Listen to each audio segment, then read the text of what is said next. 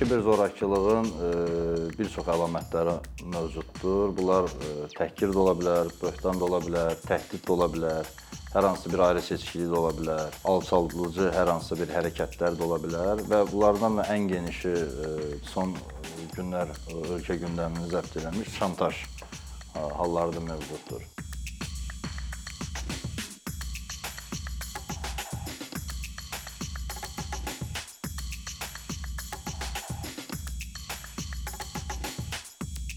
Yenə ölkə gündəmində ə, şəxsi videoları və şəkilləri paylaşılması ilə təhdid edilən ə, şəxslərdir.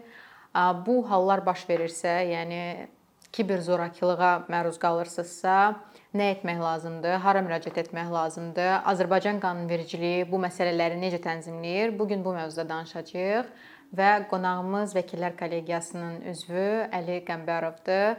Ə, Əli, xoş gəlmisiniz. Çox sağ olun, xoş gördük. Ə, Kiberzzorakılıq nədir ümumiyyətlə?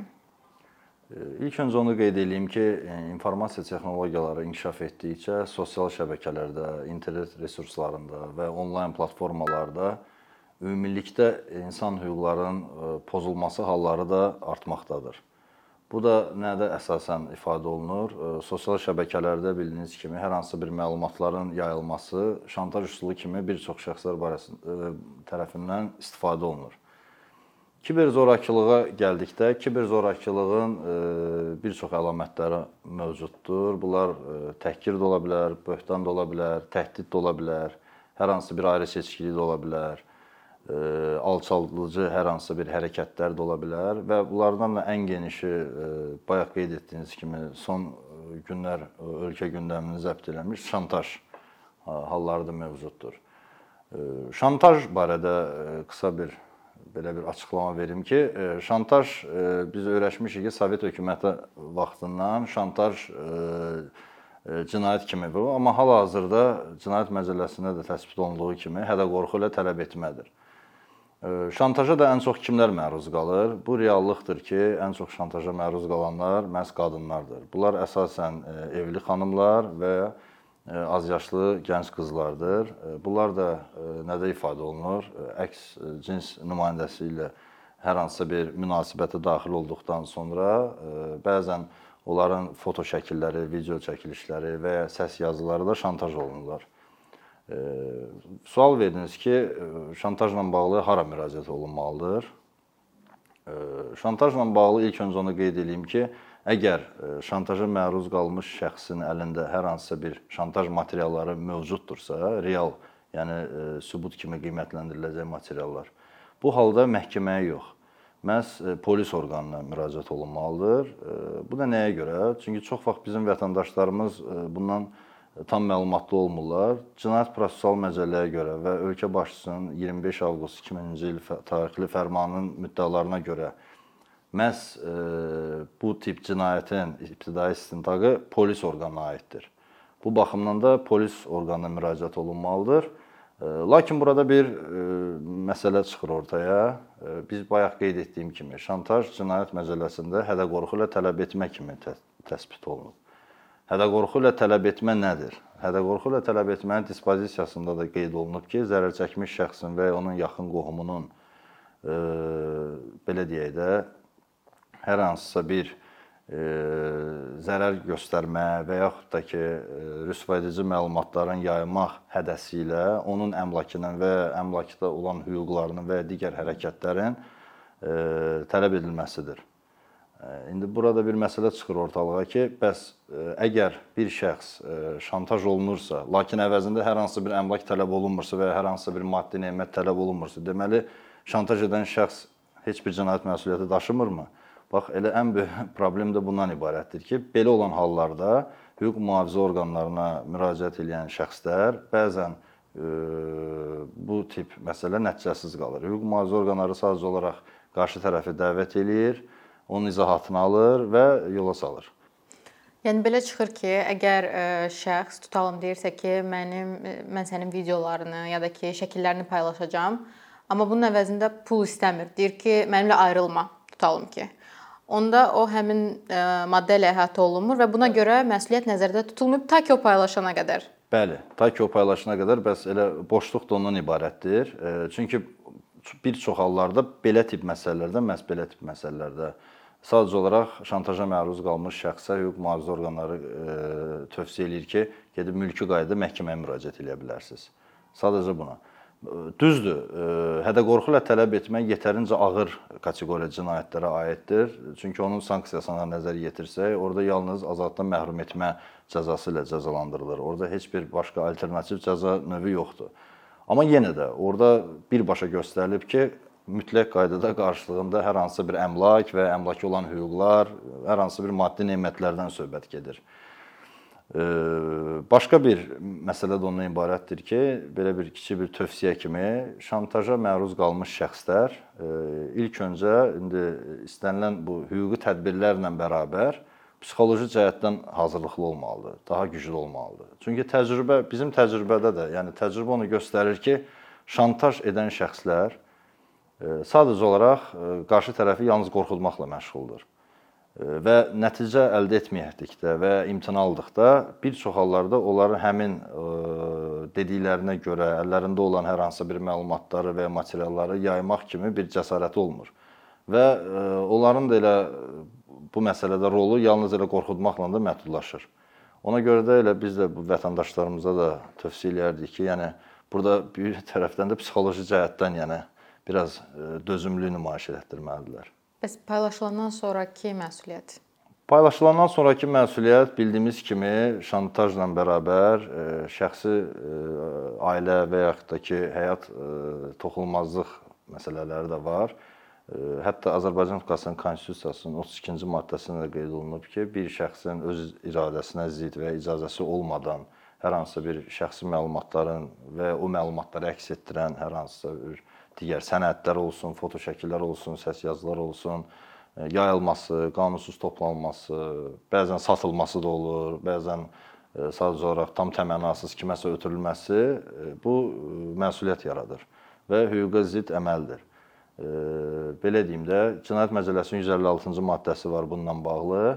Düzdür, hədə-qorxu ilə tələb etmək kimi elə də ağır bir cinayət kateqoriya cinayətlərə aid deyil və o da bizim növbəti belə deyim də boşluğumuzdur. İndi onu da qeyd eləyəcəm.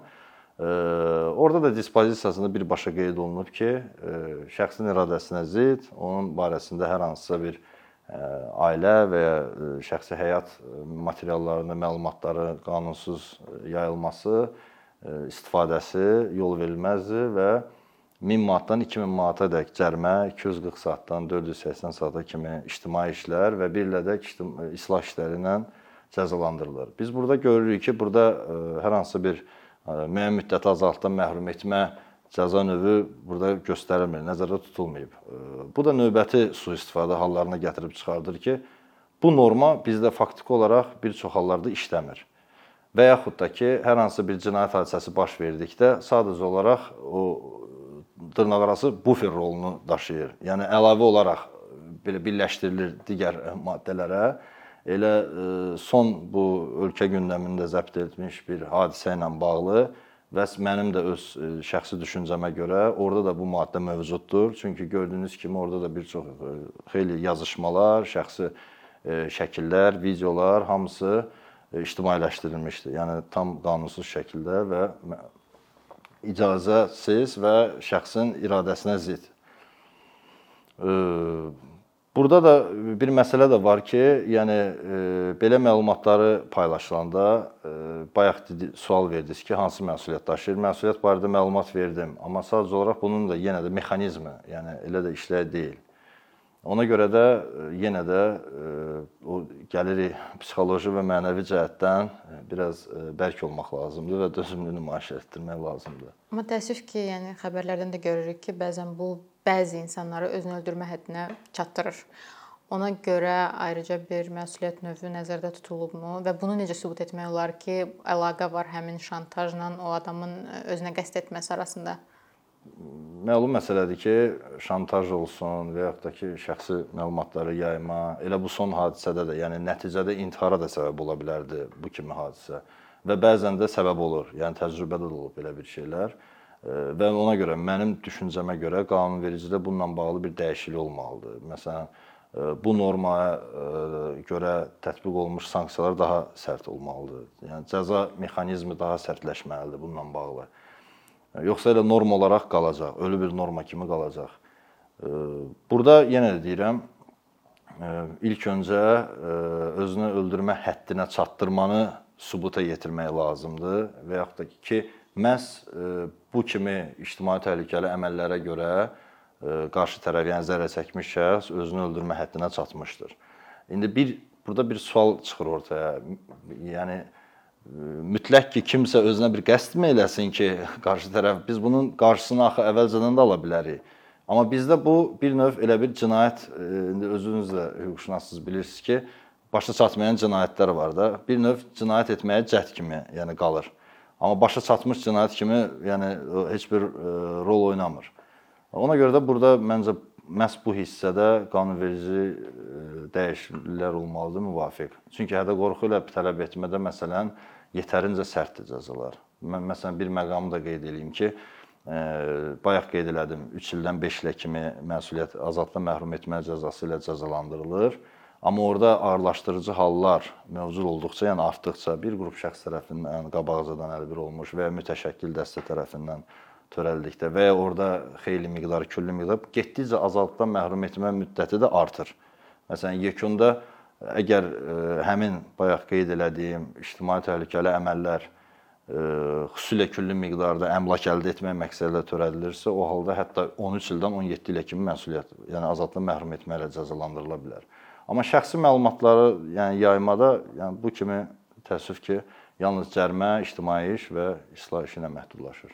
Bəs ə, e, praktikada ə, e, nə kimi çətinliklər var? Ə, e, sizin şəxsən özünüzün də üzləşdiyiniz? Elə praktikada da elə biz sırf bu çətinliklərlə üzləşirik. Bizə məsələn vətəndaşlar müraciət etdikdə ki, ə, bir nəfər mənim məsələn filan məlumatlarımı yayıb, ə, biz orada yenə də ə, sübut etmə mexanizmi biraz çətin olur. Çünki bu adam Birincisi bu adamı müəyyənləşdirmək çətindir. Çünki bu adam e, şantaj məqsədi ilə eləmir ki, hər hansısa bir qarşı tərəfə nəsə yazsın və yaxud da ki, hansısa bir məlumat ötürsün. Bir çox hallarda bu bilirsiniz ki, belə mövzumuz da zaten bundan ibarətdir. Bu sosial şəbəkə üzərindən həyata keçirilir. Elə istəyir e, digər məsələn elə təhqir də, böhtan da hamısı sosial şəbəkə üzərindən elə bu bir növ kiber zorakılığın tərkib hissəsidir. Praktikada daha çox bu şantajla bağlı olub, olub ki, yəni mövzunun əvvəlində də qeyd etdiyim kimi evli qadınlar əsasən də müəyyən bir yaşa çatmış qadınlar bu gənc məsələn oğlanla hər hansısa bir münasibətə daxil olur. Bu intim münasibət də ola bilər və əks cinsinin nümayəndəsi başlayır ilk dəfə o münasibətdə daxil olduqdan sonra başlayır e, hər hansı bir əmlak və yaxud da ki, maddi nemət, pul tələb eləməyə. E, bununla bağlı bizdə təcrübədə də xeyli işlər olub və e, Ağır Cinayətlər Məhkəməsinin hökmü ilə də müvafiq hökmlər də çıxarılıb və cəzalandırılıb. Burada başqa bir məqam var. Məsələn, amma gənc qızlara münasibətdə biz burada belə deyək də subyektləri də müəyyənləşdirməliyik. Gənc qızlara münasibətdə burada hər hansı bir əmlakın və maddi nemətin əldə olunmasından çox Burada həmin o bayaq qeyd etdiyim intim münasibətlərin davamlı olmasına hesablanmış şantajdır. E, yəni burada artıq yenə də gəlirik o məqama ki, burada artıq o cinayət məsuliyyətinə cəlb etmə mexanizmi o dərəcədə işləmir. Oldu. Çox sağ olun. Buyurun. Dəvətimizi qəbul edib gəldiyiniz üçün.